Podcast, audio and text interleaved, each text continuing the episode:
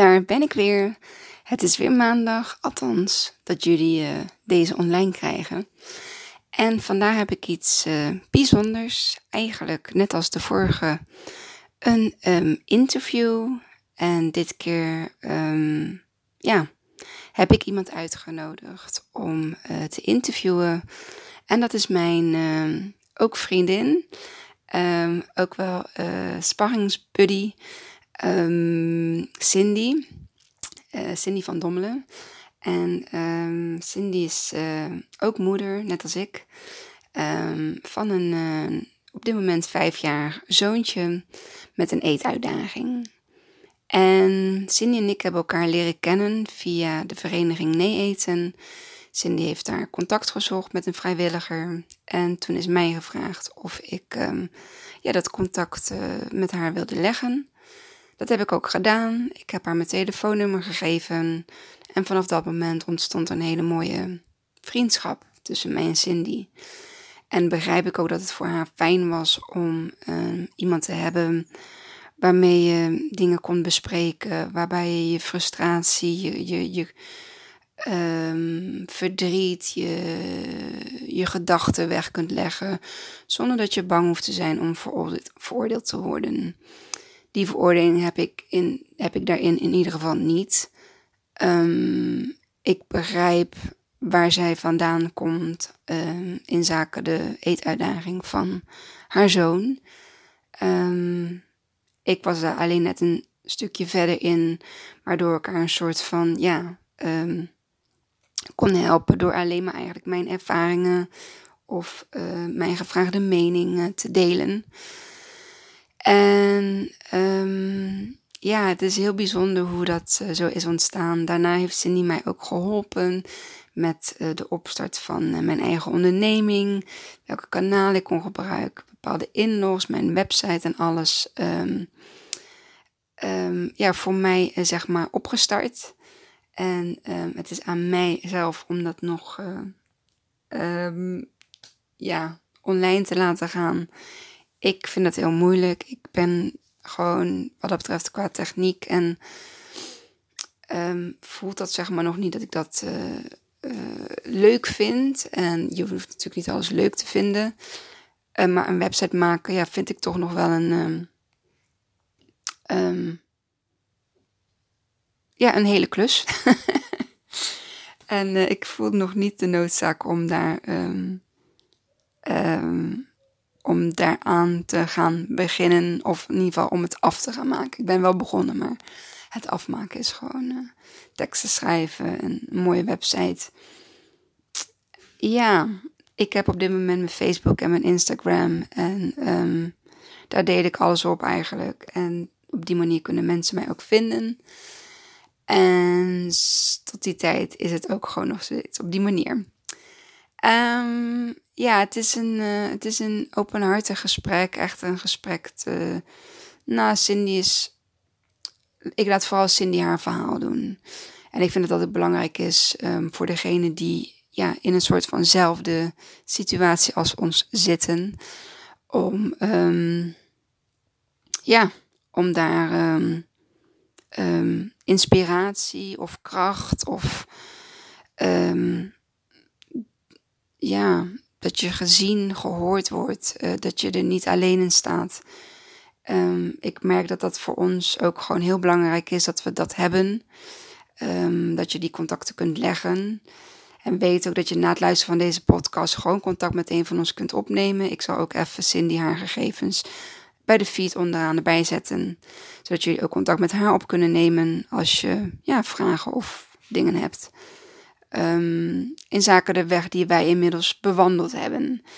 Um, de podcast gaat eigenlijk over de, tenminste, waar het die op het einde zeg maar meer over gaat, is over de bureaucratie, de, de regeltjes, de wetgeving, de regelwetgeving, waar wij tegenaan lopen in zaken de juiste zorg um, ja, voor je kind te krijgen op de reguliere basisschool. Dat is eigenlijk um, waar wij onze vakantie ons mee hebben bezig gehouden. En dan denk je dat een vakantie een vakantie is. Um, ja, op papier is dat zo. Maar nee, in de praktijk ehm, werkt dat heel anders. En bleek dat ehm, wij vooral bezig waren met eh, de juiste zorg op school te krijgen. Uh, die, ehm, die onze zonen kunnen gaan voeden middels uh, zondevoeding of blended diet. ik zou zeggen, luister hem gewoon. Hij is lang, hij duurt lang. Um, dus ja, neem ook even de tijd voor. Of als je hem op hebt staan in je oortjes, ga ondertussen strijken of de was doen. En uh, ja, luister gewoon lekker, uh, luister lekker mee. Um, hierna gaat hij dus starten. Doei doei. Hallo, goedemorgen. Goedemorgen. Hey Cindy. Hoi Kimmy. Hoe gaat het? Um, tja, wat zullen we ervan zeggen? Hallo, Ja, of toch niet? terug naar school? Of welkom de scholen beginnen? Of toch niet? Ja, klinkt vaag hè? Dus dubbel. Ja. Een heel Ja. dubbel gevoel, gemixt. Voor ons, ik zal een kleine inleiding geven voor de luisteraars eh, van eh, hè, mijn podcast. Ehm, ik heb Cindy ehm, van de week uitgenodigd voor deze podcast. Cindy is ehm, ook mama, net als ik, van een zorgenkindje. In zaken de eetuitdaging en eh, de bijhorende zorg die daar komt. En in ons geval is dat nu eh, richting de basisschool. Ehm, inmiddels is mijn zoon Isai eh, nu een jaar schoolgaand. En ehm, Cindy, haar zoon, ja, dat mag ze eventjes zelf vertellen. Ik ben Cindy. Ik heb ehm, een dochter van zes, Jennifer, en een zoontje van vijf, Stefan. En Stefan is inderdaad zonder voeding afhankelijk. Stefan ehm, is op 26 maart, even nadenken hoor, 2016 16? geboren. Dus toen hij vier was, ehm, eh, ging hij naar school. En eigenlijk vrijwel heel snel, eh, twee maanden nadien, eh, ging de ouderschool uh, aangeven dat Stefan niet altijd dronk en hij eigenlijk van school af moest vanwege ehm, het niet eten en drinken en het niet verantwoordelijk was om hem op school te houden. Nou, je moet je voorstellen, het was zomer, het was heel heet. Dus ergens begrijp ik de conclusie die er getrokken werd door school. Uh, ben ik ook helemaal niet boos geweest op school dat ze hem van school af hebben gestuurd. Maar um, ja, de zorg moest eigenlijk gewoon ingrijpen. Uiteindelijk is dat daarna opgestart. Maar goed, even terugkomend op. Uh, Stefan is van school gestuurd. Die heeft dan uiteindelijk pak een beet een jaar, anderhalf jaar niet naar school gegaan. En uh, om dit soort redenen, omdat het niet verantwoord was, omdat uh, er nog geen verbetering zat in die anderhalf jaar qua zorgtraject of qua eetgedrag qua, en uh, drank bij Stefan. En inmiddels hebben we op advies van um, een revalidatiecentrum toen te horen gekregen bij de opstart van misschien is het beter om Stefan een nieuwe opstart te geven met een nieuwe school. Uh, waarbij de gehele nieuwe casus, inclusief het, het, het revalidatietraject, E-team-traject, zoals ze dat uh, noemen, opgestart kan en je met een schone lei elders kan beginnen. Nu dacht ik dat dat allemaal geregeld was en dat dat soepel zou gaan. Alleen helaas, de overstap van school, de oude school naar de nieuwe school, ging niet zo vlekkeloos als dat ik gedacht had. Omdat de oude school eigenlijk tegenwerkte uh, en de nieuwe school daar alles aan deed om uh, ja, Stefan in ieder geval op die school te ontvangen, et cetera. Dus de hele overstap van de school ben ik heel blij om en heeft uiteindelijk goed uh, uitgepakt omdat hij het uh, naar zijn zin had op de school en omdat school echt heel erg goed begeleiding geeft aan ons als ouders, maar ook als, aan Stefan. dus dat is een beetje de achtergrondsituatie die uh, wij hebben meegemaakt. Ja, hoe dan nu verder? Uh, want Stefan ging eigenlijk maar tot 12 uur naar school dan.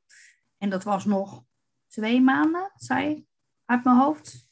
Denk. Ja, want hij startte net in die coronaperiode, of hoe uh, was dat? Um... Ja, dat inderdaad, hij zou in, uh, toen hij vier was, bedoel je? Ja. Ja, toen, toen was het eigenlijk de coronaperiode en toen mocht hij eigenlijk niet naar school. En op het moment dat hij naar school mocht, ja, dan was hij alweer heel snel van school afgestuurd. Ja, en uh, de hele zorgtraject en schooltraject begeleiding liep gewoon niet zo heel erg zoals we hadden gedacht. Um, en daarnaast, ja, weet je, de, de, de verantwoordelijkheid lag bij mij als ouder. Ja, dat een kind wat niet goed eet en drinkt en geen energie heeft, ook niet naar school kan. En hij gaf ook zelf aan vaak dat hij maar. En we hebben dat heel langzaam opgebouwd van maandag, woensdag, vrijdag. En dan met twee uurtjes. En dan zijn we van twee uurtjes gaan opbouwen naar vier uurtjes um, naar school. En uiteindelijk uh, kon hij inmiddels um, vijf dagen. Dat heeft wel heel lang, denk anderhalf jaar nu geduurd. Vijf dagen naar school tot twaalf uur. Maar dat was echt het maximum wat Stefan op dat moment aankon. Uh, omdat het zorgtraject en het E-teamtraject nog niet gestart was en er nog niet voldoende voeding uh, binnenging. Dat, ja, dat hij niet genoeg energie had om langer dan 12 uur naar school te gaan. En um, qua ondersteuning, hè? want kijk, onze verhalen zijn, nou ja, sommige lijnen gelijk, maar we hebben ook echt een totaal uh, ja, andere uh, begeleiding gehad uh, vanuit bijvoorbeeld het ziekenhuis. Um, wij hebben heel snel een, een traject toegewezen gekregen bij Revant, bij het E-team. En bij jullie is dat anders gegaan.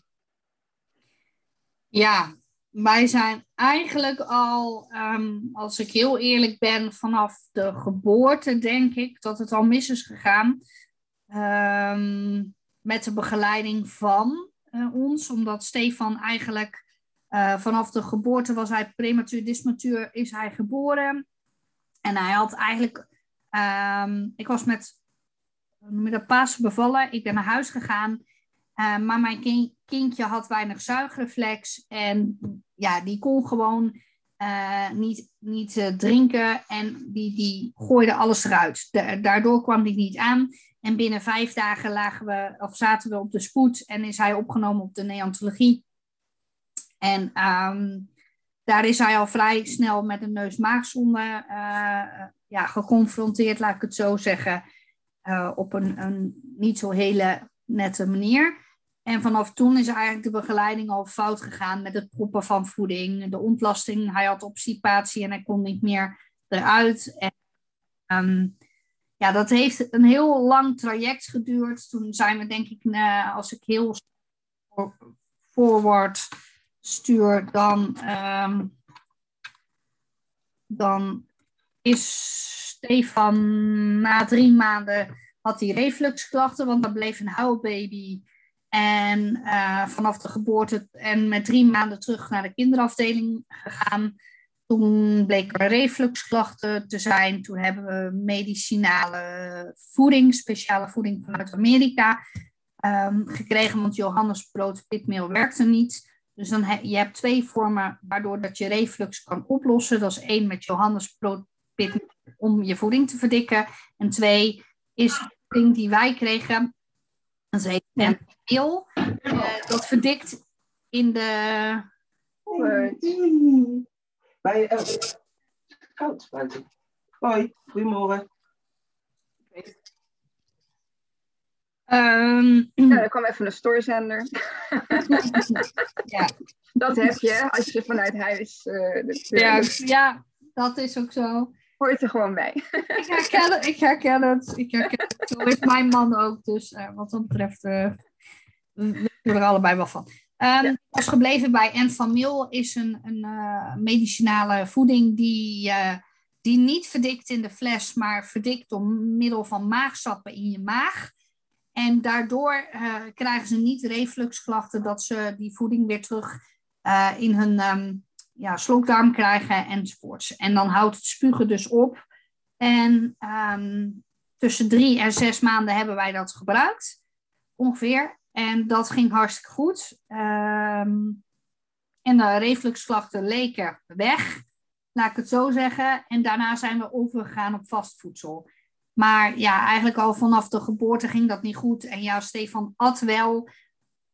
Maar ja, ik heb hem nooit altijd uh, constant gewogen. Want we hebben in de beginperiode zoveel moeten wegen. Uh, in het ziekenhuis en consultatiebureau en wekelijks. En, en dat wordt dan een obsessie. En op een gegeven moment heb ik dat losgelaten, want dat was echt geen, geen pretje. En uiteindelijk, um, ja, weet je, dan kom je uh, dat je kind groeit, et cetera. En je denkt, oké, je kind eet wel, et cetera. Maar ja, niet voldoende uh, blijkbaar. Want op een gegeven moment ja, bleek hij een, een, een dalende lijn te hebben. En, en, en ja, kwam hij in de groeiproblemen, et cetera. Wel eens aangegeven, ook uh, bij consultatiebureau, van goh, neemt hij wel genoeg voedingsstoffen op? Nou ja, toen werd ik uh, eigenlijk vierkant gelachen. Die dalende lijn, constateerden ze dat in het ziekenhuis of bij het consultatiebureau? Consultatiebureau. Want jullie hoefden niet meer terug naar... Nee. Um, even terug uh, rewinden naar het stuk van, van wanneer we en van mail hebben gekregen tussen drie en zes maanden. Er zijn er één controle geweest uh, in, die, in die periode. En toen zei ze, nou het gaat goed, hè, want dat kreeg ze van mij te horen. Dus toen zei ze ook gelijk, hup, move van de kinderafdeling af. Maar ze hebben daar nooit de opvolging aangegeven. Terwijl dat ze eigenlijk vanaf geboorte af aan al, al wisten met problemen. En, en dat bleef toch ergens wel aanhouden. Maar goed, we kwamen dus niet meer zo makkelijk weer terug op die kinderafdeling. En ze dachten, ja, het zal allemaal wel. Nou, bij het consultatiebureau ja, hebben ze daar ook niks mee gedaan.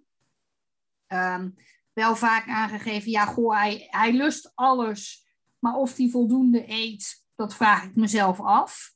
Mm. En, um, ik heb nog een aantal keren uh, de vraag gesteld van, goh... Um, neemt hij wel genoeg voedingsstoffen op als in, in zijn lichaam. Want het lijkt erop, ook omdat hij altijd vanaf de geboorte lijk bleek zag, alsof hij een wandelend lijk was. En dat heel de wereld dacht dat hij een soort van leukemie had, et cetera. Um, en wij ja, eigenlijk ook in eerste instantie, omdat ja, ik bedoel, uh, en als geboorte had hij ook uh, ja, heel snel um, last van, hoe noem je dat? Eczeem zonneallergie. En ah. um, ja, toen kwamen we achter toen we in Portugal zaten. En toen heb ik het kinderziekenhuis toen gebeld, bijvoorbeeld. Dus het was altijd al een redelijk gevoelig voor hè, zijn huid en, en eigenlijk alles al.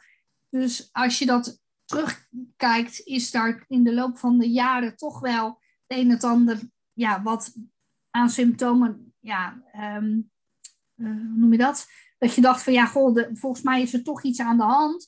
En ja. met name uh, bij mij, die blanke huid, die echt lijkbleke huid, ja. was de conclusie omdat heel veel mensen ons daarop aanspraken. Uh, um, natuurlijk, we zijn wel eens een keer getest, maar dan waren die waarden goed. Of ik, ik kan me niet herinneren dat daar echt veel mee aan de hand is geweest. Of dat ze op het juiste hebben gekeken, weet ik niet. Een bloedtest uh, heb je toen laten ja. ja. Ik denk dat dat, uh, ja, want er zijn zoveel dingen gedaan dat ik het gewoon letterlijk niet meer weet. Nee. Maar ja, ik, ik vermoed wel uh, dat, dat die lijkbleke huid, dat was voor ons echt. Uh, en op een gegeven moment zei iedereen van ja, ja, hoort erbij. Dus wij gingen het normaal vinden. Maar we gingen ook normaal vinden dat wat hij at, dat, dat hij dan at. En uh, er wordt ook altijd gezegd, en dat is echt een, een dooddoener voor ouders. Um, een kind gaat wel eten als hij honger heeft. Hm. Ja. ja, dat is wat men um, als opvoeding meegeeft. En dat is niet de realiteit wat we meemaken. En um, ik wist niet beter als in, ja, maar hij heeft geen honger dan. Of hij, weet je, en je gaat hem ook niet dagelijks wegen. Daar, weet je, luister, dat, dat, dat, doen ouders ook niet. Nee, dat, dat doe ik ook niet. Dus je kan de schuld enerzijds bij jezelf gaan zoeken, maar dat heeft geen zin. Want het, het, je gaat je kind niet dagelijks op een weegschaal zetten. En nogmaals, je vertrouwt op, en toen de tijd vertrouwde ik op het consultatiebureau, op de huisarts, op allerlei instanties die het allemaal wel wisten, dacht ik. Ja. Ehm, ja, en dan kom je, denk ik, in de, in de loop van de jaren in de knoei, totdat ik, wat was het, december? Nee, ja, ik weet niet, ergens in, in november of december, dat ehm, Jennifer haar vijfjarige controle had. En dat, ja, wat is de, die persoon van de JGZ zei, toen ze klaar was met Jennifer en alles in orde was, dat ze zei van, goh, het gaat niet goed met je zoon. En ik zei, hoezo niet? Uh, ja, hij ziet zo lijkbeeld, mag ik hem onderzoeken? Waarop ik eigenlijk schrok en ik zei, ja, dat is goed, doe maar. Nou, toen ging ze hem onderzoeken en uh, toen ja, constateerde ze, denk ik, iets waardoor dat ze vroeg om ook in zijn medisch dossier te mogen kijken. En toen heb ik daar ook uh, positief op geantwoord, ja, dat is goed. En toen um, schrok ze erg. En het enige wat ik kreeg te horen is dat we uh, met spoed naar de huisarts moesten de dag daarna. En dat we een bloedtest, een algehele grote bloedtest moesten laten doen. Um, en dat we aangemeld moesten worden naar de kinderafdeling weer terug. Dat we dat bij de huisarts moesten vragen. Doorgestuurd worden naar de kinderafdeling. Nou ja, dus ik ging um, ja, huilend eigenlijk uh, het consultatiebureau uit. En mee belt mijn man op het moment dat ik naar mijn auto loop. En ja, we hadden het er laatst over, omdat Robert Doornbos uh, van de Formule 1 um, had gezegd van hoe hij er was achtergekomen dat zijn dochtertje leukemie of, of kanker in die zin had, met die lijkwitte huid enzovoorts. En wij hadden, Joost en ik hadden dat gehoord, dus wij stonden laatst na elkaar.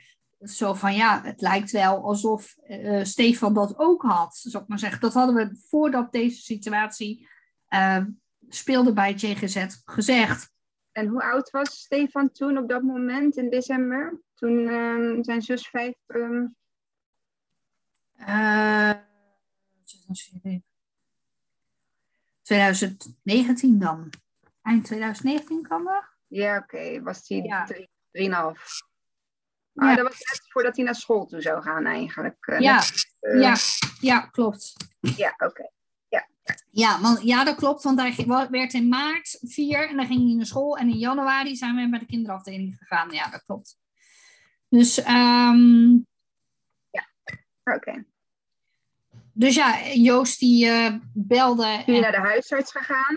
Ja, toen ben ik naar de huisarts gegaan en uh, bloedtesten uh, laten doen, et cetera. en konden ze dan niet zoveel zien. En ik heb ook geen idee welke bloedtesten dat, dat gedaan zijn. Want waar je normaal gesproken denkt dat standaard bloedtesten inhouden, bijvoorbeeld sowieso bij een volwassene worden ijzertekorten, je vitamines en dat soort dingen gedaan. Achteraf gezien bleek dat dus niet zo te zijn, dat dat getest is. Maar goed, daar ben ik pas, weet ik veel hoe lang later achter gekomen. Nou ja, toen kwamen we bij de kinderafdeling in januari 2020.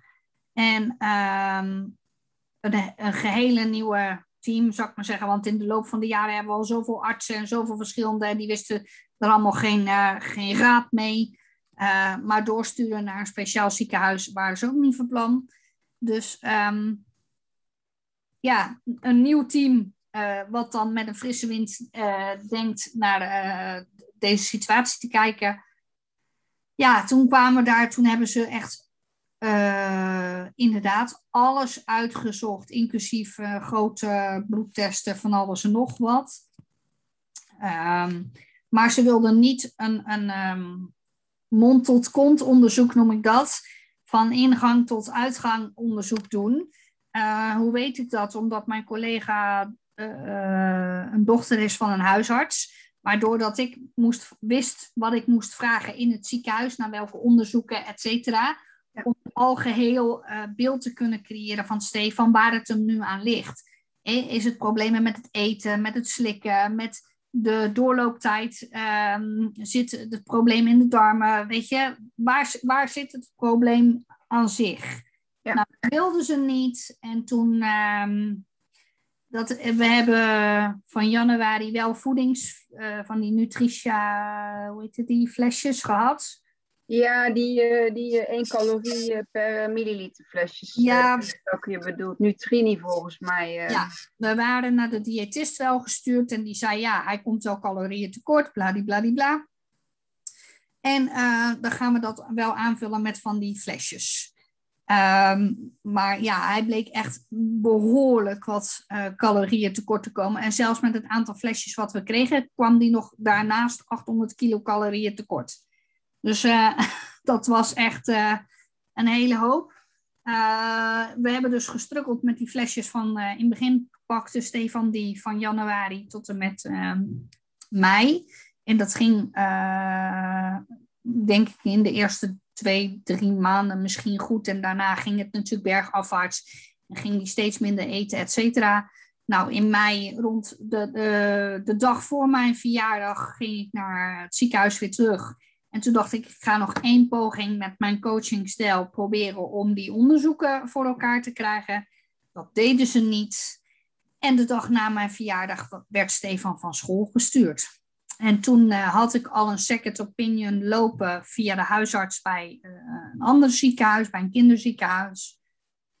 En ehm, uiteindelijk heb ik die, eh, heb ik alle alarmbellen af laten gaan en heb ik alles ehm, ja, in gang gezet. eh, om te zorgen dat Stefan uiteindelijk eh, het juiste eh, zorgtraject kreeg. Plus dat hij uiteindelijk weer naar school zou kunnen. Maar ja, dan. Ja, want als ik jou dan hoor over, dan gaan we een klein stukje terug. Je zei van, ehm, een kind gaat wel eten wanneer hij honger heeft.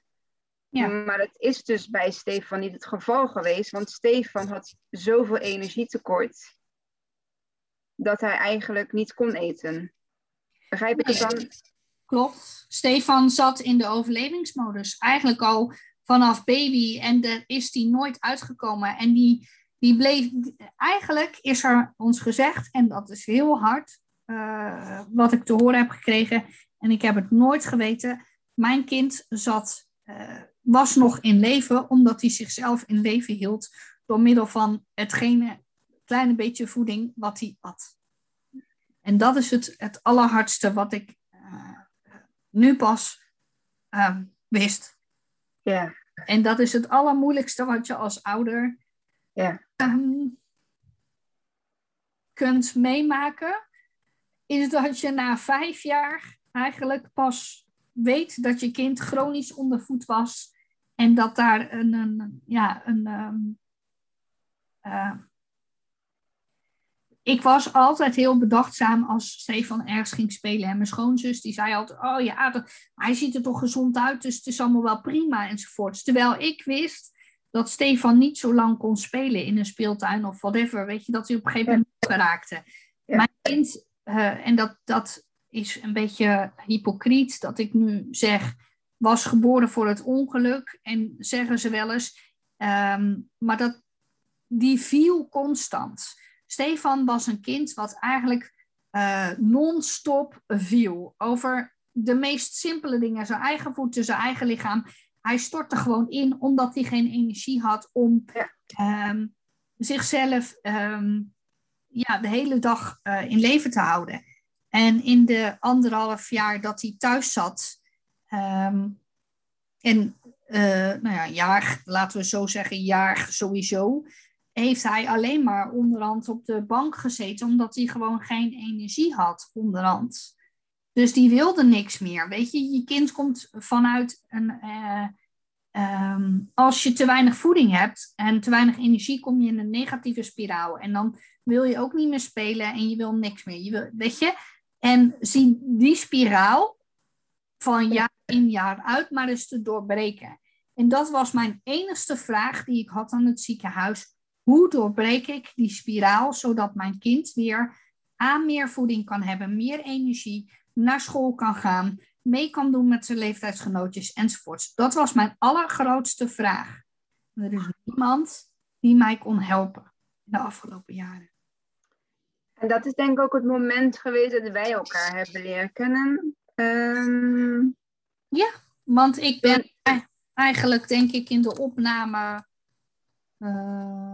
in september 2020 ja, september 2020 hadden wij de opname eh, van Stefan een week in het ziekenhuis.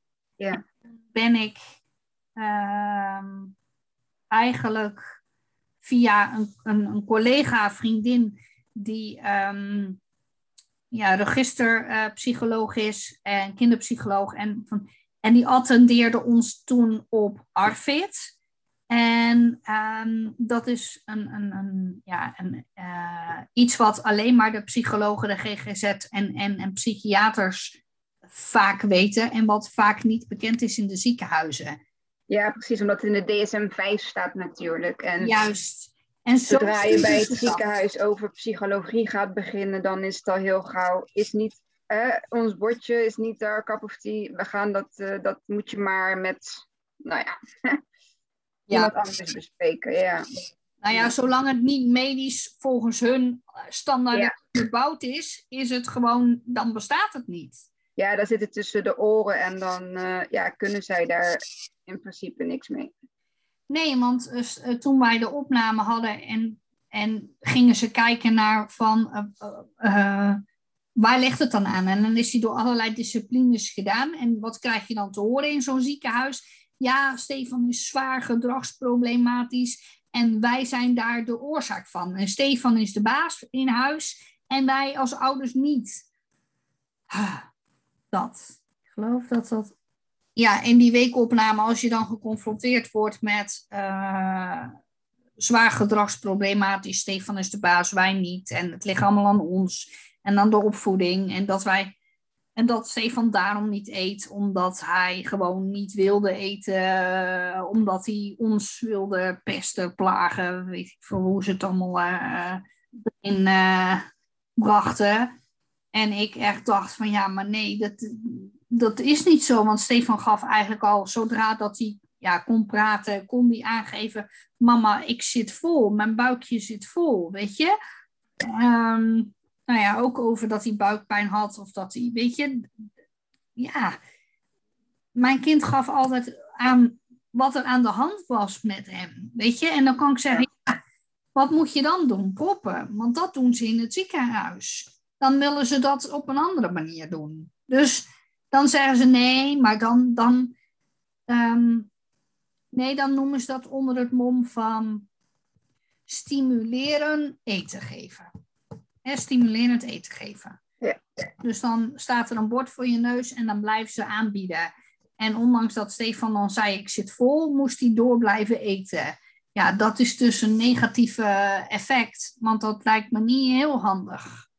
Ehm, maar dat is er wel gebeurd in de observatie. En eh, daarmee heeft het ja, alleen het, mijn kind nog meer trauma opgeleverd, et cetera. Ja. En eh, komen we natuurlijk op een, eh, op een punt dat, ehm, dat we eh, het dan Even kijken hoor, dat we uiteindelijk het zorgtraject voor elkaar hadden. Dat was ook nog een heel gedoe, maar goed, eh, dat skip ik even. Sneltreinvaart. We zijn uiteindelijk ehm, door het kinderziekenhuis was er ehm, in september een, eh, een aanmelding gedaan bij een E-team hier in Breda. En uiteindelijk ehm, ja, er was een wachtreis, corona, eh, dat soort dingen allemaal. Maar goed, hij stond daarop. Nou, enige discussie tussen de ziekenhuizen, want ziekenhuis 1 wilde iets anders dan ziekenhuis 2. En uiteindelijk was Stefan weer van de wachtlijst afgehaald ehm, door eh, één eh, ziekenhuis die een ander beleid dacht te willen voeren. En eh, nou ja, dat ging allemaal mis. Vervolgens hebben we ehm, via Ehm, Stichting mee eigenlijk hulp gekregen om, ehm, dat noemen ze dan een, een mediator, die kan je inzetten, die helpt jou om eh, ouders in hun kracht te zetten en te zorgen dat zij de communicatie kan doen voor jou als ouders met het ziekenhuis. En dat je als ouders in je recht blijft staan en de juiste zorgtraject en de begeleiding krijgt. of, dus of zij neemt het over, hij, zij neemt het over, of je doet het als ouders, maar met zo'n mediator erbij of in, weet je, zo eh, op die manier. En uiteindelijk hebben we dankzij die mediator inzet, via mee, hebben wij echt ehm, dit voor elkaar gekregen om uh, uiteindelijk Stefan weer op de juiste wachtlijst in Breda te zijn. En uiteindelijk is dat in de sneltreinvaart opgestart, want hij moest eigenlijk onderaan de wachtlijst weer terug, terwijl dat ja, door hun fout uh, eigenlijk die hele discussie is ontstaan. Um, dus daar is uiteindelijk door allerlei partijen gezegd van ja, dit kan niet, want ja, hij stond eigenlijk al op de wachtlijst in september. En uh, ja, door jullie schuld is hij eraf gehaald. Dus dan, dan kan het niet zo zijn dat hij weer terug onderaan de wachtlijst wordt gezet. Uh, uh, dus dat is allemaal gecorrigeerd en toen is het traject redelijk snel opgestart. Ehm, blij toe als ouders, want eindelijk kregen we nu de begeleiding die we ja, nodig hadden, zou ik maar zeggen. Um, ook Stefan is in kaart gebracht van, goh, omdat hij dan zo lang geen school had gehad, um, loopt hij dan achter ten opzichte van leeftijdsgenootjes? Zo ja, hoe kunnen we dat bijspijkeren? Zo nee, weet je, dat soort dingen. Nou goed, uiteindelijk bleek dat Stefan helemaal niet achterloopt uh, op leeftijdsgenootjes, zoals eerder gedacht werd, en één ziekenhuis. Uh, ook de gedragsproblematiek is niet geconstateerd door hun. Um, wel geconstateerd door hun is chronisch ondervoed kind. En uh, kreeg te weinig uh, energie binnen om te kunnen ontwikkelen uh, op allerlei vlakken. Eh, ja, groei in, gewicht en, en, en, en ook groei in ontwikkeling, fijne motoriek, grove motoriek, et cetera, allemaal. Dus dan noemen ze dat een soort van ervaringsachterstand in het kader van school, omdat hij gewoon simpelweg de kans niet heeft gekregen om naar school te gaan, et cetera. Ja. Nou, toen dachten we dat alles geregeld was en dat hij weer lekker naar school kon. En dat, hij, dat, dat kon ook. De overstap naar de nieuwe school ging ook goed. Um, alleen het uitbreiden tussen 12 uur en kwart over twee, want ze hebben een continue rooster. Ja. Um, komen op het feit dat we daar toch wel tegen bureaucratie aanlopen. Ja, eh, want wat ik heel graag nog even wil vertellen um, vanuit onze optiek, en ik denk ook wel meerdere ouders, wat wij heel graag willen is dat onze kinderen naar een reguliere basisschool kunnen. Ja. En daar moet je zo hard voor knokken, zo hard voor vechten. Uh, iedereen om je heen die, die zegt het ook, weet je wel, bij ons ook het E-team dat aangaf, de orthopedagoog, van nee, hij moet echt naar een, naar een reguliere basisschool. Hij, hij, hij is hij hoeft niet naar die speciale, hè, dat speciaal onderwijs of um, hè, de, bij ons de kasteel dan, hoe, hoe, de, hoe die school heet. Want daar zitten echt uh, ja, de, de, de, de, minder valide kindjes, maar ook uh, de, de, hè, de geestelijk gehandicapte kindjes. Um, die daar speciale begeleiding krijgen. Maar daar zitten niet de kinderen met een, eet, uh, een eetuitdaging of eetproblematiek. Die, die daar naartoe verwezen worden of die door, dat, die, die door, zeg maar, door die eetproblematiek niet naar de reguliere basisschool zouden kunnen? Kijk, omdat onze kinderen, beide kinderen, niks van. Weet je, onze beide kinderen zijn intelligent genoeg om naar het reguliere onderwijs te gaan. Ze mankeren op dat gebied totaal niks. Alleen ze hebben zondevoeding. Dat is het ja. enige wat er anders is tussen een ja, gewoon een normaal kind die gewoon normaal kan eten. En een kind uh, wat extra uh, hulp nodig heeft met het eten. Ja. Maar dat is een andere zin dan dat jij. dat jouw kind ook nog eens achterstandsproblemen, leerproblemen, weet je, gedragsproblemen, allerlei andere problemen. Dan kan ik me voorstellen dat je een kind beter af is op zo'n in ons geval heet dat dan het kasteel, waar het speciaal onderwijs, waar extra leiding, waar één op één maattrajecten worden geleverd om die kinderen het juiste uh, zorgtraject te leveren, maar ook het juiste onderwijstraject te leveren. Ja. Kijk, en dat is voor ons gewoon totaal niet nodig. Um, en daarnaast hebben we in Nederland een zorgplicht.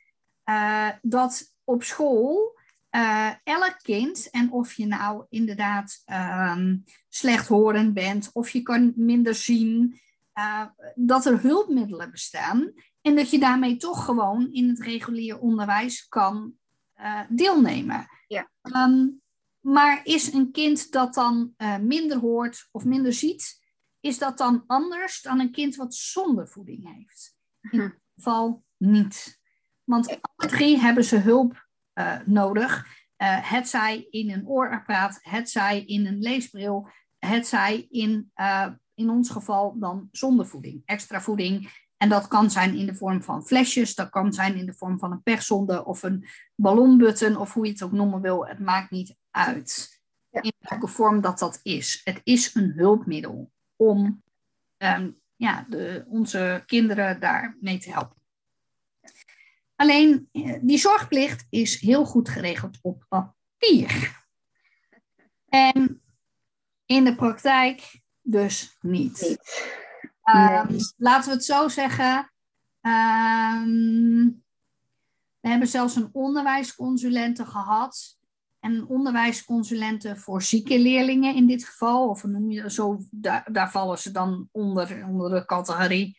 Um, goed, die onderwijsconsulente die geeft dan advies aan school hoe je, welke hulpmiddelen dat er nodig zijn, et cetera. Um, maar nogmaals, uh, de zorgplicht staat ergens in een dossier bij school. De onderwijsconsulente die kan zeggen, uh, dit is het advies. En school kan dan zeggen, nou ja, ik hoef dat advies niet over te nemen. Dus, nou, wat kan je dan als ouders doen? Helemaal niks. Want zelfs een school hoeft zich niet te houden aan uh, alle adviezen, regels en weet ik het allemaal wat. Want de onderwijsinspectie uh, heb ik ook uh, bekeken. Um, je kan gewoon niks als ouders, omdat um, het zogenaamd allemaal wel op papier staat, maar in de praktijk um, blijkt dan allemaal weer ja, maar het is advies en we hoeven ons er allemaal niet aan te houden begrijp dan heel de regeling zorgplicht niet. Maar goed, dat is dan mijn uh, probleem als ouder. Dat ik dan de casus niet begrijp dat dat opgenomen is en dat iedereen recht. We hebben zelfs een verdrag getekend dat iedereen recht heeft. Elk kind met een, um, noem je dat? Met een hulpmiddel recht heeft op een regulier onderwijs. Ook dat staat allemaal fantastisch op papier.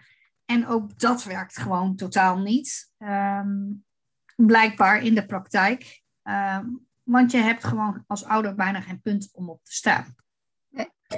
Um, nou, kunnen wij bijvoorbeeld uh, um, hulp vragen bij de gemeente als in een potje voor bijvoorbeeld uh, een thuiszorgorganisatie om dat te kunnen laten doen. Want er bestaat een thuiszorg- en een kinderthuiszorgorganisaties. En stel nou dat je dat allemaal geregeld krijgt met een soort vorm van en een formele PGB of een informele PGB of hoe je het ook noemen wil allemaal. Uh, stel nou dat je die regel krijgt. Dan nog zijn alle thuiszorgorganisaties mogen, ondanks dat ze een contract hebben met de gemeente, nee zeggen om dit niet te doen. Dus weerstandsouders. Ergens ook wel, ik, hè, ik begrijp het ergens ook wel, want als ik kijk naar de zorg die Isai nodig heeft op school, dat is twee keer per dag, uh, één keer drie kwartier, één keer ongeveer twintig minuutjes. En op een vast tijdstip, want op school houden ze zich ook aan pauzes, uh, aan, aan schema's. En dat is natuurlijk waar ik het afgelopen jaar heel erg heb, in heb gezeten met Isai, om dat, om dat ja, soepel en lopend te houden. Um, maar ik snap ook wel dat dat in de zorg ook heel moeilijk is om dat in te regelen in, in een rooster, weet je wel. In een, ja, een zuster of een verpleger, die rijdt een route. En um, bij de meeste mensen is het voor, uh, voor kinderen voor medicatie, moeten ze wel op vaste tijdstippen komen. En dit voeding geven, zeg maar, is gewoon nog iets heel nieuws. Um, Mag ik daarop inhaken? Ja dan, dan, weet je, dan ga ik nu uh, even de discussie aan. Wat, wat is het verschil uh, in Nederland tussen een volwassene en een kind? Als in thuiszorg. ik zal een voorbeeld noemen. Want dat weet ik toevallig van een collega van mij. Een collega van mij, haar schoonzus, heeft medicatie nodig. Ze komen vijf minuten per dag. En dat is voor de volwassenen wel in te regelen in hun agenda. En dat kan allemaal wel. Ja. Maar voor de kinderthuiszorg kan het zogenaamd allemaal niet. Was het verschil. Die vijf minuten om die medicatie bij een volwassene toe te dienen, dat kunnen we allemaal wel inplannen. En dat is allemaal geregeld. Ja. Voor, de, voor onze kinderen niet. Houdt dat dan in dat je als ouder altijd verantwoordelijk bent, 24-7 voor alles? Ik begrijp mijn verantwoordelijkheid. Maar soms in dit soort situaties, als jij en ik omvallen, dan Ja. hebben we er geen van allen wat aan. Snap je wat ik bedoel te zeggen? Ja. Wat is dan het verschil? Vraag ik mezelf af. Waarom is het, en dat is nu een, een praktijkvoorbeeld, omdat ik er nu tegenaan ben gelopen, maar ook het hoor van hoe- dat het dus voor de volwassenenzorg en de thuiszorg voor ons als volwassenen is goed geregeld in Nederland. En daar kan je dus wel bijvoorbeeld vijf minuten medicatie of het verschonen of het verwisselen van verband of weet ik veel wat. Dat is allemaal planbaar, maar voor de kinderen niet. En dat vind ik heel gek in dit, in dit land. Dat vind ik echt heel bijzonder dat dat ehm, totaal eh, anders bekeken wordt, anders geïnterpreteerd wordt en het allemaal niet kan. Ja, ik denk ook wel omdat het, wat ik net zei, iets, het is iets nieuws. Ehm, want ook wij hebben als moeder ervaren ehm, dat de meeste moeders stoppen met werken op het moment dat hun kind gevoed moet worden op een kinderdagverblijf of op een school. Hè, in ons geval niet op school. Ja. En nou ja, net- jij net als ik verbazen ons daar gewoon enorm over. Hoe het bestaat dat jij je carrière of je, of je bedrijf of je baan of nou ja, wat je dan ook hè, daarvoor moet laten eh, eh, vallen. Hè. Aan de ene kant heel logisch, want je hebt, je hebt nu eenmaal die zorg voor je kind en je wilt dat hij, ehm, hij of zij of, hè, die zorg ook eh, eh, krijgt, zeg maar. Klopt. Aan de andere kant, als daar andere manieren voor zijn, ehm, wat ik heel mooi vond, wat ik van jou hoorde dan van de week, hè, wat jij zei van, ik, ik wil ook een leuke moeder zijn en ik wil ook een, hè, een, een leuke vrouw zijn en ik wil ook Ja. gewoon Cindy zijn. Ja. Dat ben ik als ik mijn werk kan doen, als ik mijn, mijn, mijn hart en mijn passie in, hè, in mijn werk kan, kan neerleggen. Dat vond ik zo mooi dat je dat noemde, dat ik dacht van ja, dat, dat, is, dat is ook echt zo. En dat is ook gewoon waarom ik wil blijven, hè, waarom ik wilde blijven werken. Ik zag het gewoon niet zitten dat ik dan voor dat kwartier en eh, die 15 minuten per dag, dat ik daarvoor dan zou moeten stoppen of mijn uren daaromheen zou moeten bouwen. Dat, oh, dat ik heen en weer zou moeten rijden van Rukven naar Breda. Nee. Nee, maar dat is, dat is natuurlijk ook. ehm, dat is de hele discussie die, die, die best lastig is te voeren als ouders zijnde. En als vrouwen zijn we zorgzaam, we zijn dienbaar, we willen het altijd goed doen. Eh, als vrouw voel je je geneigd en verplicht om de zorg altijd op te pakken voor je kind. En dat Verantwoordelijkheid. Kijk, eh, kijk, dat is vanuit vroeger is dat altijd. eh, De, de vrouw eh, zorgde altijd voor de kinderen en de man was altijd kostwinnaar. Nou, Ja. wij- jij en ik weten ondertussen in de loop van de jaren, we zijn van een andere generatie, maar nogmaals, het leven is duurder geworden, een huis kopen is duurder geworden. eh, je kunt al, bijna als alleenstaande niet meer een, een, een, een huis kopen, zeker niet in de huidige tijd met de huidige prijzen. Ehm, dus vaak moet je met, de, de meeste ouders werken met z'n tweeën. Weet je, ook al werkt de vrouw dan parttime, maar die werkt wel. En daarnaast ehm, ehm, vind ik zelf, maar ik, ik ben van nature. ehm, ik heb eerst in loondienst gezeten en, en ik haalde daar allemaal geen energie uit. Ik ben nu ondernemer en, en dat is inderdaad wat jij zei van hoe komt dat dan? Hoe komt het dat ik dit hele zorgtraject vijf jaar van Stefan heb kunnen trekken, waarvan ik natuurlijk een deel in loondienst ben geweest, maar de laatste drie jaar ben ik nu onderneemster geworden. En ik doe waar mijn hart ligt. Ik, ik ehm, werk vanuit passie en ik, ik, ja, ik ben een coach. En, en ik coach ondernemers om, om verder te komen. En daar word ik heel gelukkig van. En ik ben heel goed in mijn werk. En dat is niet om, om, om uit, uh, uit te sloven, maar daar bedoel ik mee te zeggen. Dat is van nature wat in mij zit. Dit werk kan ik heel goed. En dus doe ik dat heel graag. En, en, en, en ja, misschien een deel op automatisme, want dat is wat je altijd gewend bent om te doen, om dat op die manier te doen. Daar haal ik dus de energie uit, want mijn werk kost mij nul energie. En omdat ik daar de energie uit haal, kon ik dit zorgtraject trekken. Want um, het waren totaal twee tegenstrijdige dingen. Ik, ik, um, het zorgtraject is heel zwaar geweest voor mij.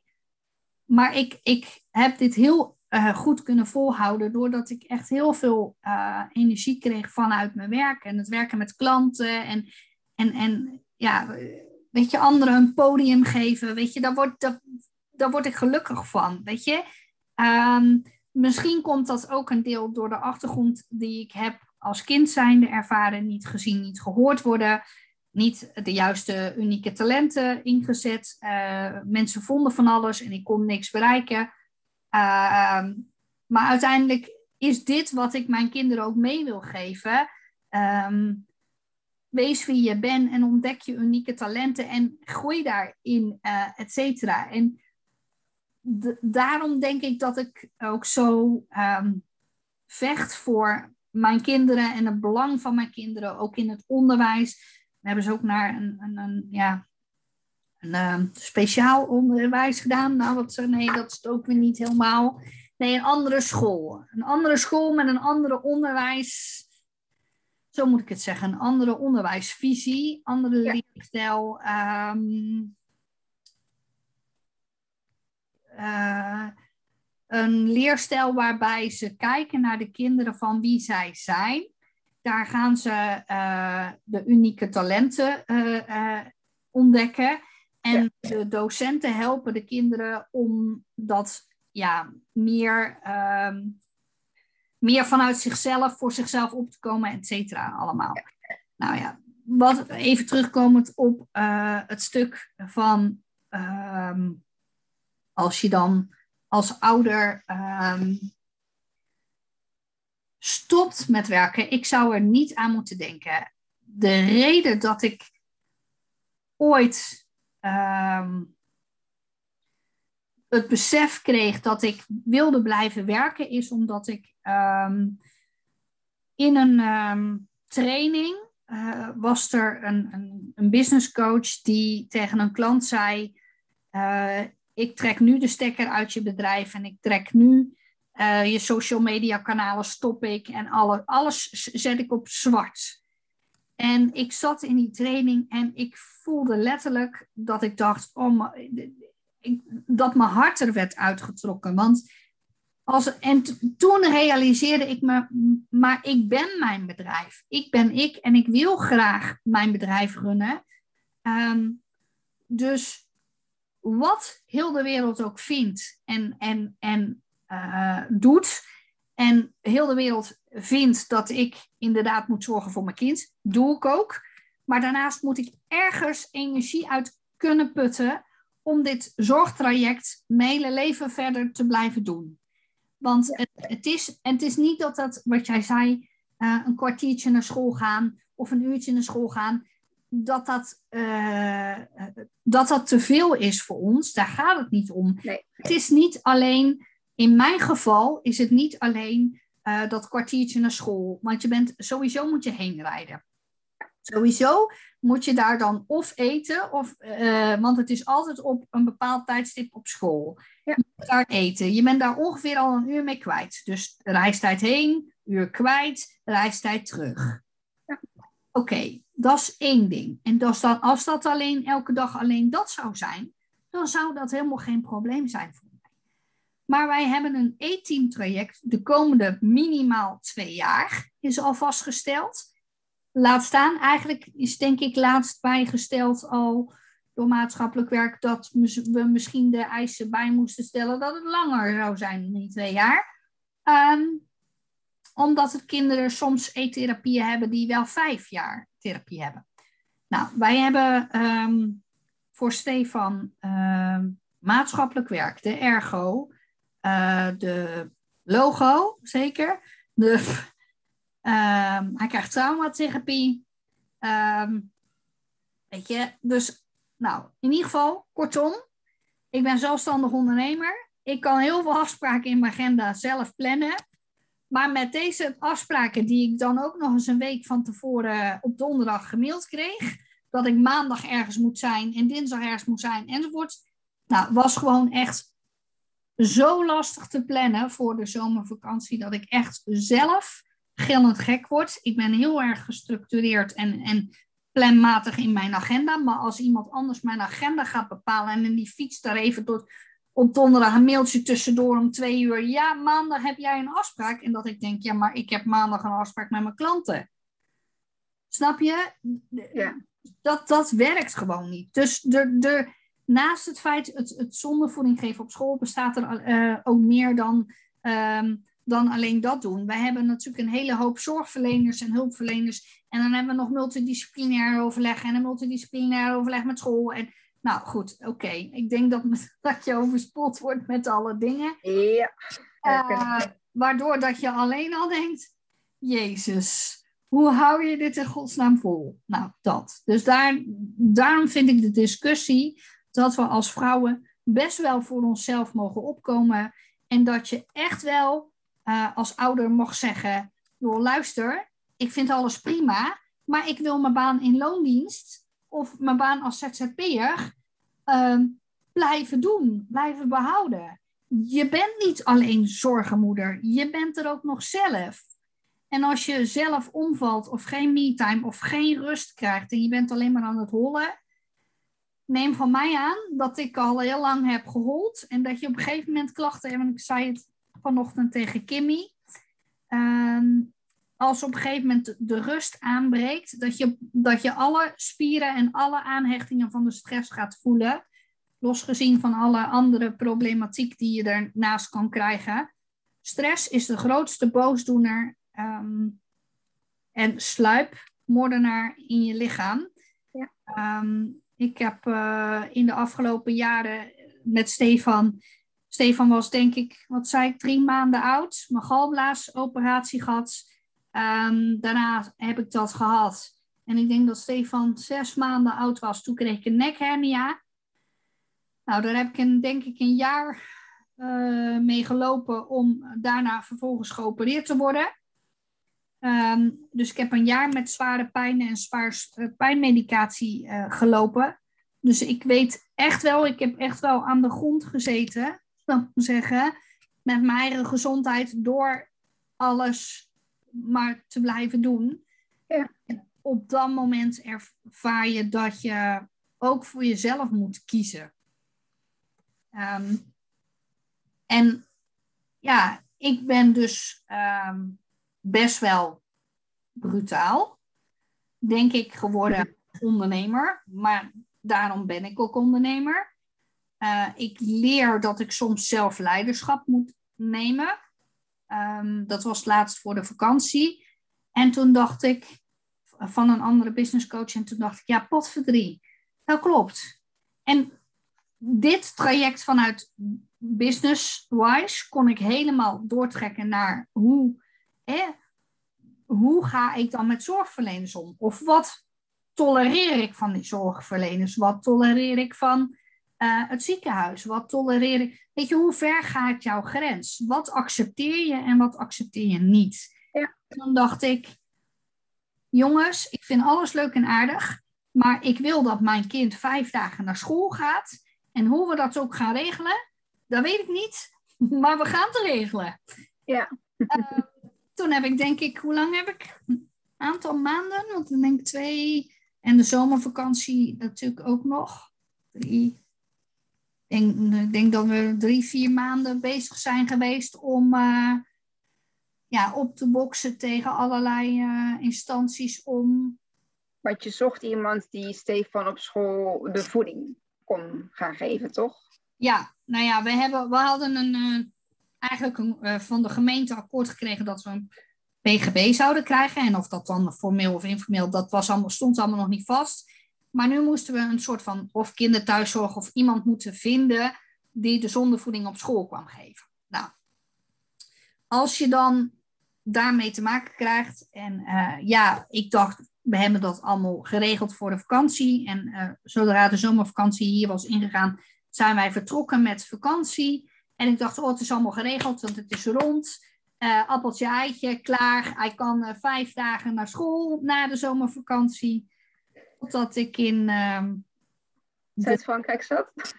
Toen ik in de tweede week van mijn zomervakantie in Zuid-Frankrijk een mailtje kreeg van de gemeente die, uh, waarin het huilen nader stond dan het lachen. En echt, uh, dat we echt aan de grond zaten, allebei, Joost en ik.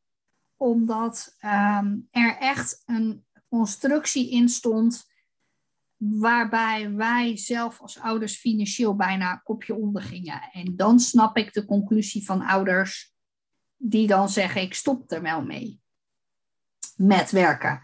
Um, wat stond daar dan in? Je hebt verschillende varianten. Je hebt een formele en een informele PGB. En um, we hadden uiteindelijk een partij gevonden, Kobert Kinderdagverblijf. Die zitten toevallig in de mand. Uh, dat is een, het schoolgebouw bij ons op school.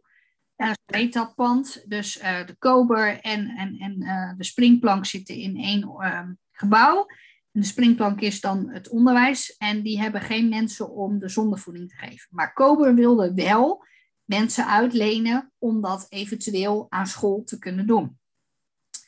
En uh, dat hadden we eigenlijk allemaal rond, totdat de gemeente mailde dat die mensen die dat moesten gaan doen, een SKJ of BIG-registratie moesten hebben, omdat het dan vergoed werd. En wat bedoel ik daarmee? Uh, met een formele PGB heb je 90% van, de, van het tarief wat vergoed wordt. Uh, en ze vergoeden ook uh, de BTW niet. Dus nou, Joost en ik hadden al gezegd voor de zomervakantie, oké, prima, betalen wij de BTW wel zelf als ouders. En als de rest wordt betaald door de gemeente, dan is het ook goed. Weet je, en kunnen ze mensen vinden voor uh, vier dagen in plaats van vijf dagen, dan wil ik die ene dag ook wel voor mijn rekening nemen. Dat, weet je, daarin heb ik altijd de samenwerking opgezocht um, of proberen op te zoeken met al die instanties. Alleen ik heb dat wel allemaal zelf gedaan. Dus ik uh, ben buiten de regels getreden om instanties te benaderen en te doen. Um, maar die 90% is, is geen probleem. Als je een uurtarief hebt van pak een beetje 45 of 50 euro.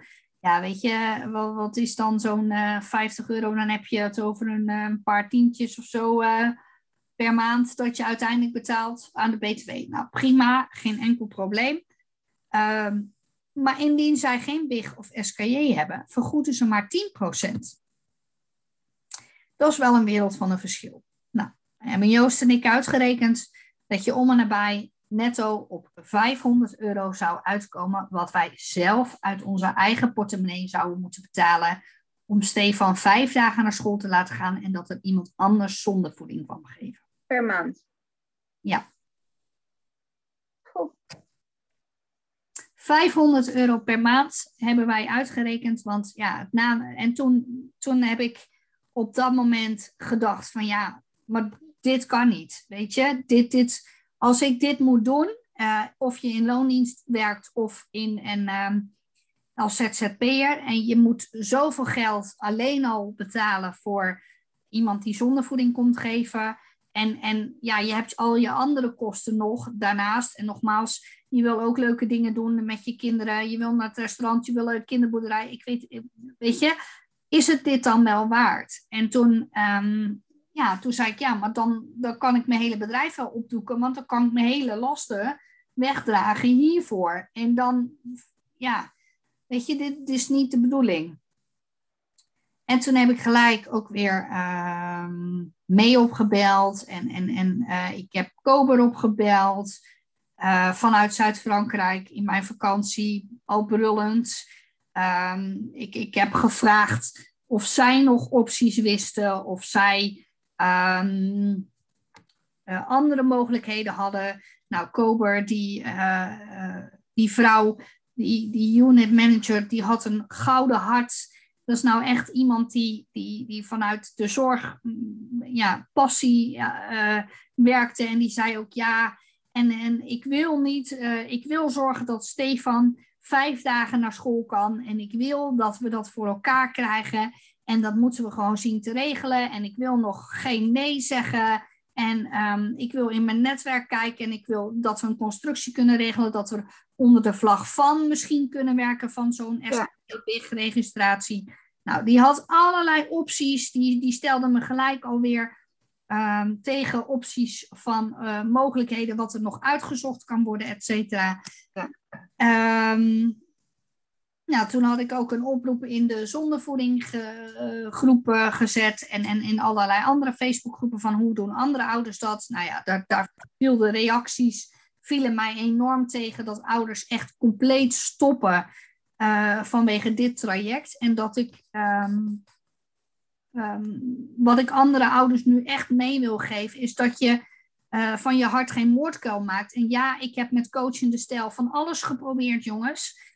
Maar dat brengt je niet verder. En de brutalen hebben de halve wereld. En wat heb ik dus gedaan? Ik ben een hele dag nadat ik dat mailtje heb gehad en iedereen gebeld had, van slag af geweest, ziek geweest en, en, en stress weer op mijn lijf. En dat ik dacht, het gaat niet waar zijn dat mijn kind niet vijf dagen naar school kan en dat hij naar het speciaal onderwijs moet. En dat gaat me niet gebeuren, gaan we niet doen. Ja. Toen heb ik de laptop gepakt die ik mee had, de dag later. En ik heb s'nachts, bij mij draaien alle radars s'nachts. En ik speel alle uh, ja, verhalen terug in mijn hoofd af. En toen ben ik gaan denken, ja oké, dat is prima. Maar in de zondevoedinggroep had ik gehoord, hé, hey, maar um, die ballonbutton is geen medische handeling. Dus al sinds 2015 niet. Dus ik dacht, link, hup, zondevoeding geven aan een ballonbutton of een pech is geen medische handeling. Dus die persoon hoeft geen SKJ-BIG-registratie te hebben. Punt.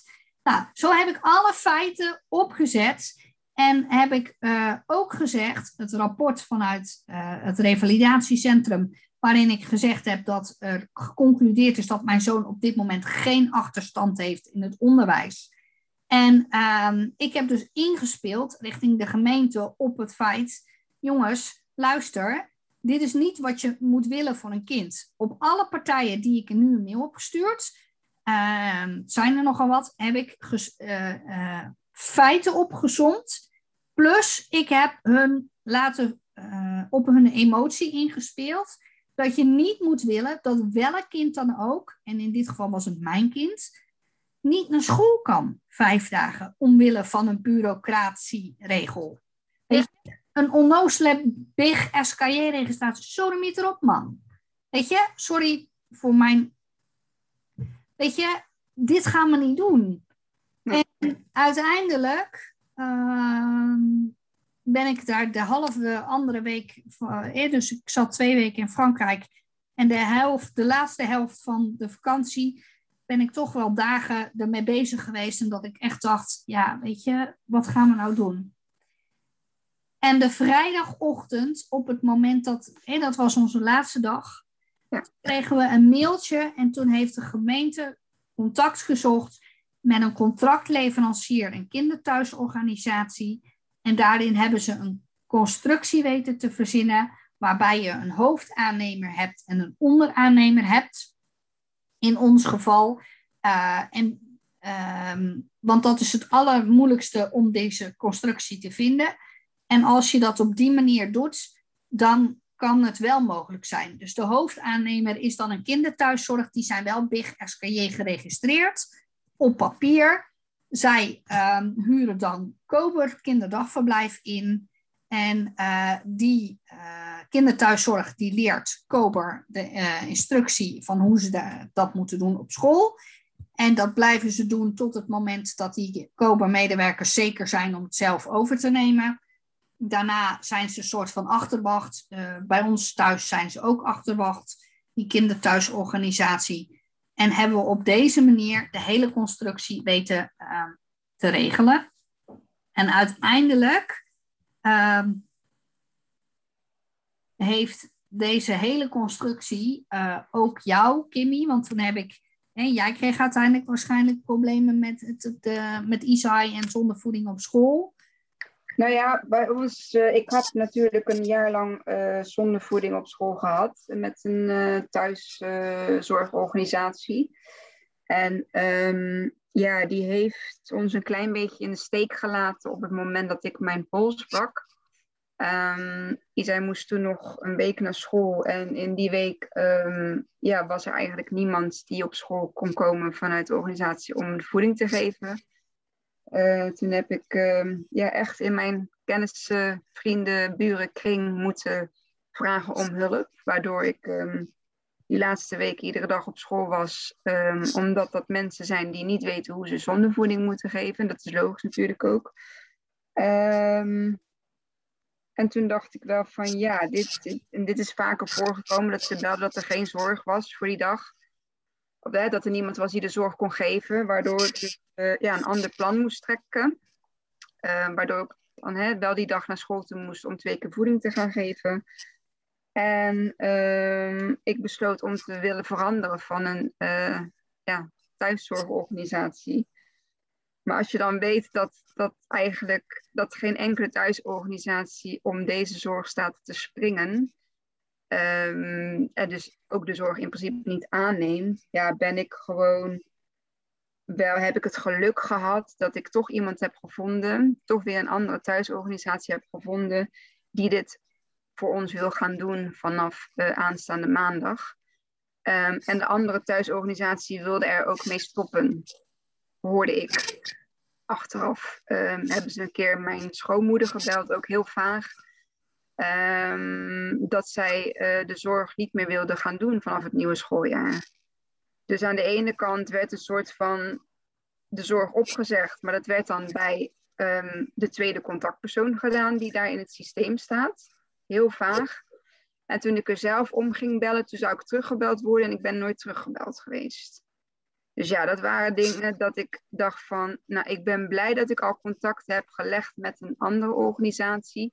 Die is zelf heel nieuw, uh, maar die stond open om uh, deze zorg aan te nemen. Uh, het scheelt dat er iemand werkt die al eerder bij Israël op school is geweest via de andere thuisorganisatie. Dus ook dat is een heel fijn ja, linkpunt, zeg maar. En ehm, zij gaat het ook gewoon op zich nemen. Ehm, want wat heel belangrijk is, en, en, en, en vind ik ook nog steeds, is dat er niet iedere keer een ander gezicht voor die kinderen komt naar school toe. Um, dat er, ik vind het een hele intieme uh, bedoeling, zeg maar. Ja. Um, hè, ze hebben nu allebei een button. Dat wil zeggen, je hebt gewoon iedere keer huid-op-huid contact uh, met het kindje. Want hè, je maakt de button open, je koppelt het slangetje erop. En nou ja, dan ga je de voeding geven. Um, dus ik vind het ook wel heel belangrijk om daar um, niet al te veel mensen naartoe te laten gaan. Um, ja, die die kinderen zeg maar daar gaan helpen en aanraken. En uh, dat is in ieder geval mijn beleving. En uh, dat ervaar ik ook wel bij, uh, bij Isai. Want als er dan iemand anders kwam of er kwam iemand om mee te kijken, dan werd er altijd gevraagd door de vaste verzorgster van Isa, is het oké okay als hè, deze persoon jou uh, voeding geeft of niet? En als dan Isa aangaf van nee, dat wil ik niet, dan deed ze het altijd nog zelf. Dan wist ze ook gewoon van ja, die persoon moeten we ook nooit als vervanging sturen. Want er bestaat wel dat ze op vakantie gaat of weet je wel. Ja. Dat heb je wel gewoon. Um, dus dat is ook het tweede dingetje wat erbij komt kijken. En daar wilden ze zeg maar gewoon Isa in een route gooien. En uh, ja, we zien dan wel wie er komt. Ja, nee, aldoende in de praktijk is dat ook anders gewoon. Een kindje heeft gewoon, ja, een, een, hè, iedere keer eenzelfde persoon nodig uh, voor zich. Ja. Die, uh, die die handelingen bij hem, uh, bij hem gaan verrichten. maar daar stond de, mijn vakantie dus uit. om die nieuwe organisatie, om dat ja, geregeld te krijgen maar ook weer een nieuwe uh, beschikking daarop uh, te kunnen krijgen. En ja, wat heb je in de gemeente? We, toevallig begon mijn vakantie tegelijkertijd met die van de gemeenteregisseur. Maar heeft zij mij nog wel op haar laatste dag voor de vakantie gebeld. En heb ik het ook met haar besproken van, joh, dit op deze manier, dit is toch eigenlijk gewoon te gek voor woorden. Zei ze, ja, zei ze, en je ziet dan, zei ze, dan ben ik met één casus bekend. En dan krijg je alweer bekendheid van hè, andere, dan kom, word je ook weer door andere ouders, ja, die gaan met elkaar praten. En die zeggen van, nou, je, hè, je moet bij die persoon zijn, want daar hebben wij het ook uh, kunnen regelen. En um, waardoor zij dan hopelijk in dat stukje ook meer thuis raakt. En uh, waarvan ik ook gewoon verwacht dat er straks. Ja, dat dit straks veel, uh, veel makkelijker zal gaan. Ook straks voor andere ouders. Want wij kunnen wel zeggen dat we nu. Zijn we de enige twee in Breda waarschijnlijk die dit uh, nodig hebben? of uh, weet ik haar niet. Uh, ik weet dat er eentje volgens mij in de omgeving Roosendaal. Roosendaal, Oosterhout. Uh, ik, durf het niet te zeggen eigenlijk, eerlijk gezegd. Maar er zijn een aantal vrouwen die wel hier uit de regio komen, maar of ze allemaal in Breda wonen, verwacht ik dus niet. maar waarschijnlijk dan, ja, net dat. Maar um, die in Roosendaal, die woont net in de, over de grens in België. Dus dat is natuurlijk ook een hele andere, die hebben andere regels. Um, ja. België ja. heeft natuurlijk totaal andere regelgeving. Dan, ja. Ik heb geen idee hoe dat daar geregeld is, maar in België heb je andere regelgeving dan natuurlijk hier, zoals ja. wij hebben. Ja, klopt. Nou ja, afijn. Um mijn laatste twee weken, zeg maar, of de eerste twee weken van mijn uh, vakantie, die bestonden dus gewoon uit het achterna zitten van, uh, van de gemeente, van de hoofdaannemer, in ons geval ook de kinderthuiszorgorganisatie. Uh, de, nieuwe de nieuwe thuiszorgorganisatie om te kijken of zij die zorg überhaupt konden aannemen. Ja, ik was alleen maar daarmee bezig om dat geregeld te krijgen. Vanaf het moment dat ik een een go kreeg van, uh, in dit geval uh, zat de gemeente daar even niet tussen, maar die heeft van tevoren aangegeven van joh, met deze beschikking en deze constructie kunnen we het regelen. Dus dan kun je er gewoon van uitgaan dat het geregeld wordt. Als ik terug ben van vakantie, dan gaan we de contracten en dergelijke opstellen op de juiste namen en komt het allemaal wel goed. Dus het ging echt tussen de hoofdaannemer en de thuiszorgorganisatie. Uh, dat zij ook die onderaannemer met elkaar konden bewerkstelligen. Ja. Omdat ook zij geen contract hadden met de gemeente. En, en het, dat is dan dat bureaucratische geneuzel hoe het is geregeld. Als onze kinderen een neus-maagzonde zouden hebben, dan ben je van al dit geneuzel af. Dan val je onder de zorg, zorg, uh, eh, zorgverzekering. Uh, ja. En dan wordt alles gewoon heel gemakkelijk vergoed vanuit de zorgverzekering, omdat de neus-maagzonde is medisch. Als daar iets uh, mis mee gaat, kan de zonde in de luchtwegen terechtkomen. En dan heb je dus een, ja, een heel extreem ding, een extreme um, risico. Maar op het moment dat ze dan die zonde verplaatsen naar de maag, is het hele risico van het long, zeg maar, is er af. En val je dus onder de jeugdwet.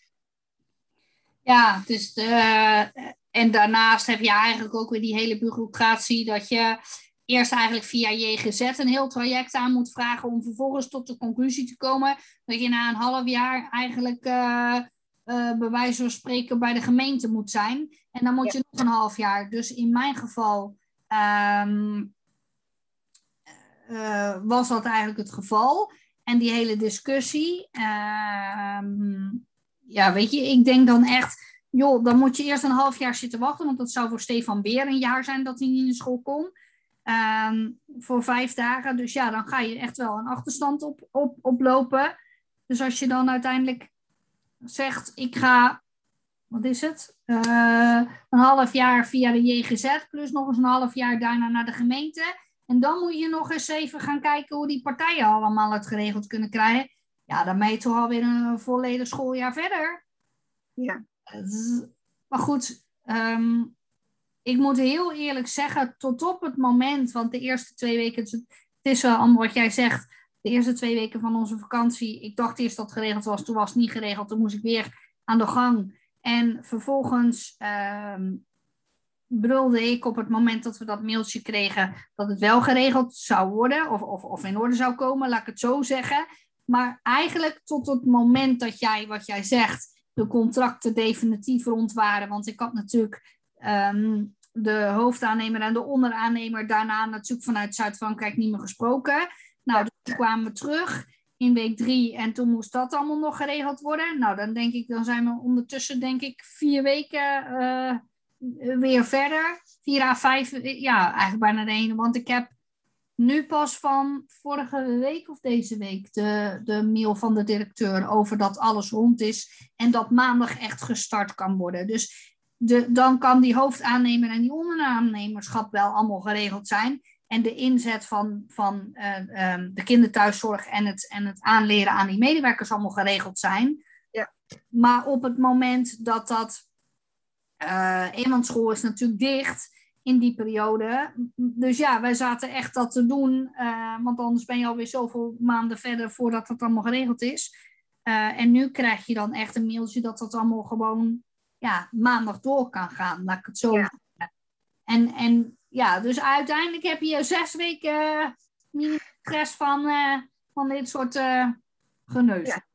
Ja, ja, ja, ja, daar kwam het. Dat was ook de reden waarom wij deze podcast wilden doen. Van, weet je, ik ben dolblij dat onze kinderen maandag naar school toe kunnen. Ja. Um, naar school toe mogen.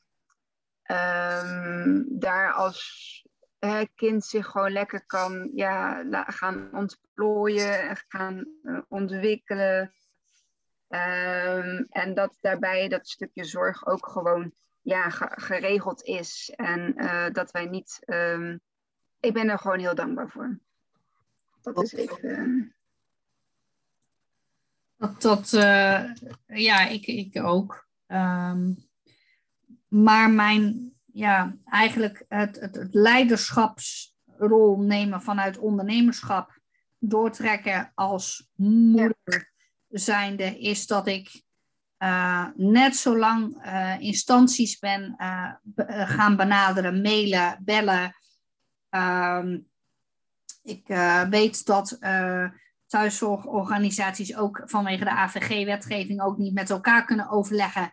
Dus uh, partij A zegt hier hou ik mijn verantwoordelijkheid op, partij B hier, partij C daar. Daar heb ik wel de rol in genomen om die partijen in ieder geval te kunnen laten samenwerken, want daar heb ik dan meer toestemming gegeven om dan informatie of contactgegevens uit te wisselen en dat ze over mijn zoon Stefan mochten praten.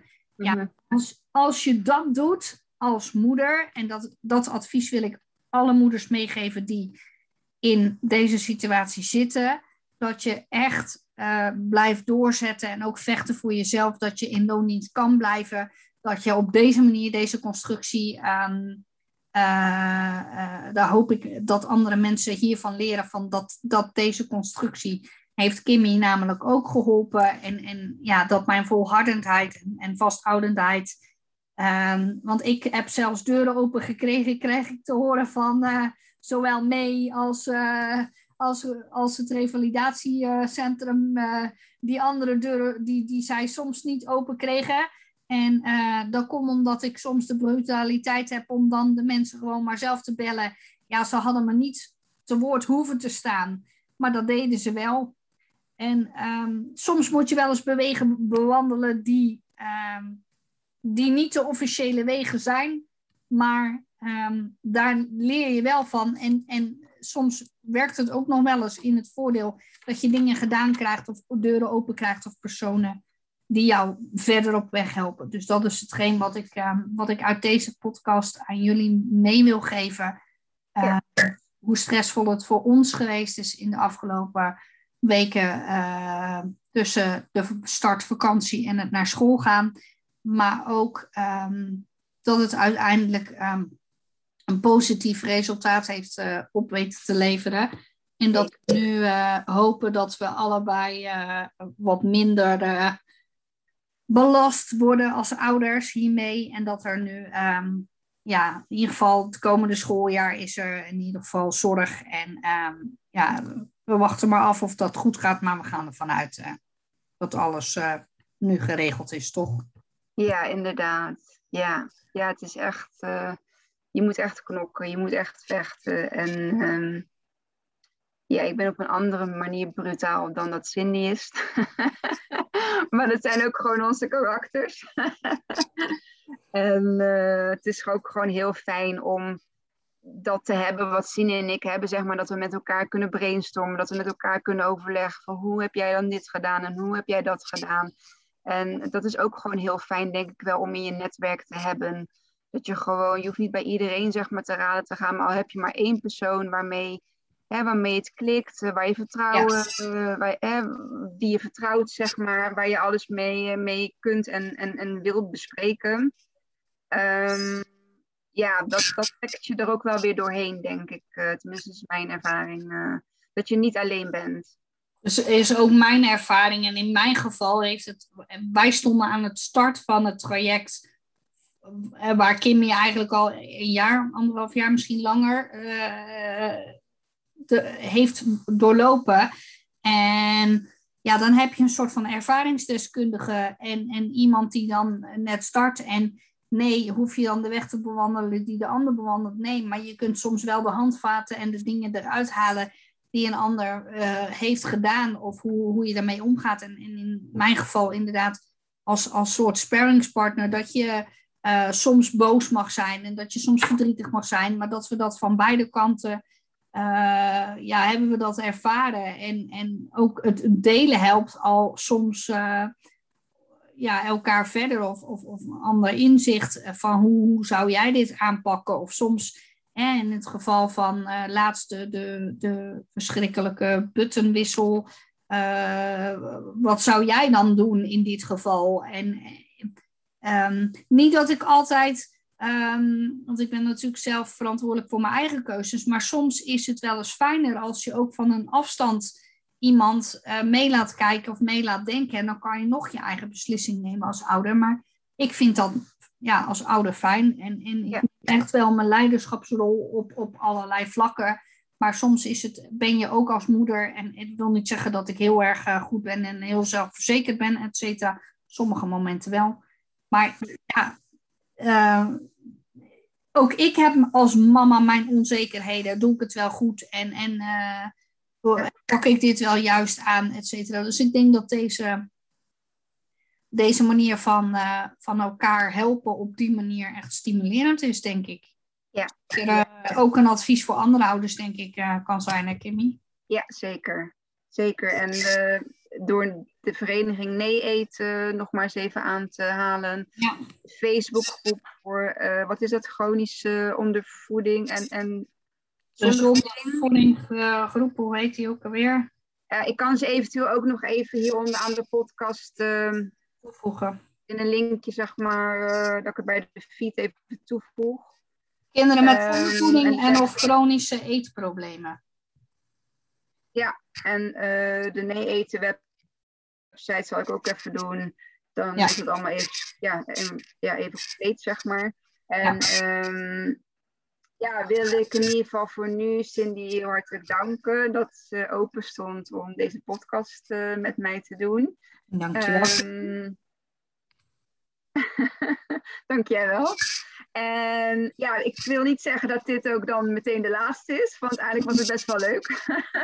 Om een soort van uh, ja, sparring uh, partner, mede, moeder in, uh, in deze... Ja, ik had ooit ja, gezegd dat ik mijn eigen podcast, uh, want dit is een sneltreinvaart van mijn ja. verhaal, uh, zou moeten opnemen. Ik heb natuurlijk ja. echt acht kantjes ergens geschreven met bullets over onderwerpen. Ik hoop misschien de komende periode dat er weer lucht komt, dat je dat, dat, je dat uh, ook weer, um, dat ik mijn verhaal kan delen vanuit mijn perspectief vanaf de geboorte. Want dan heb je misschien ook een soort van handvat. Maar dit soort sparringssessies is altijd uh, waardevol, denk ik. Om dit in de toekomst te doen, toch? Ja. Ja, dus uh, ik denk dat er zeker wel nog een volgende gaat komen. Komt goed. Komt goed. nou, Cindy, dankjewel voor je tijd. En uh, wij hebben sowieso nog contact. Dan ga ik in ieder geval de podcast nu afronden voor de luisteraars. En wil ik iedereen heel erg bedanken ja, voor het luisteren hierna. ik ben heel benieuwd naar wat je ervan vond. Dus eh, je mag eh, mij of Cindy een berichtje sturen. Ik zal Cindy ook nog eventjes uh, noemen onderaan de feed in deze podcast. En ja, mocht je vragen, opmerkingen, maakt niet uit wat het is. doe ons gewoon een berichtje, stuur een mailtje, doe een belletje, maakt niet uit. En ja, dan kunnen wij, kunnen wij van betekenis zijn. al is het alleen maar voor een luisterend oor. Ja, voor andere ouders. Ja. Yes. Oké, okay, dankjewel Cindy. Dankjewel, doei. Doei.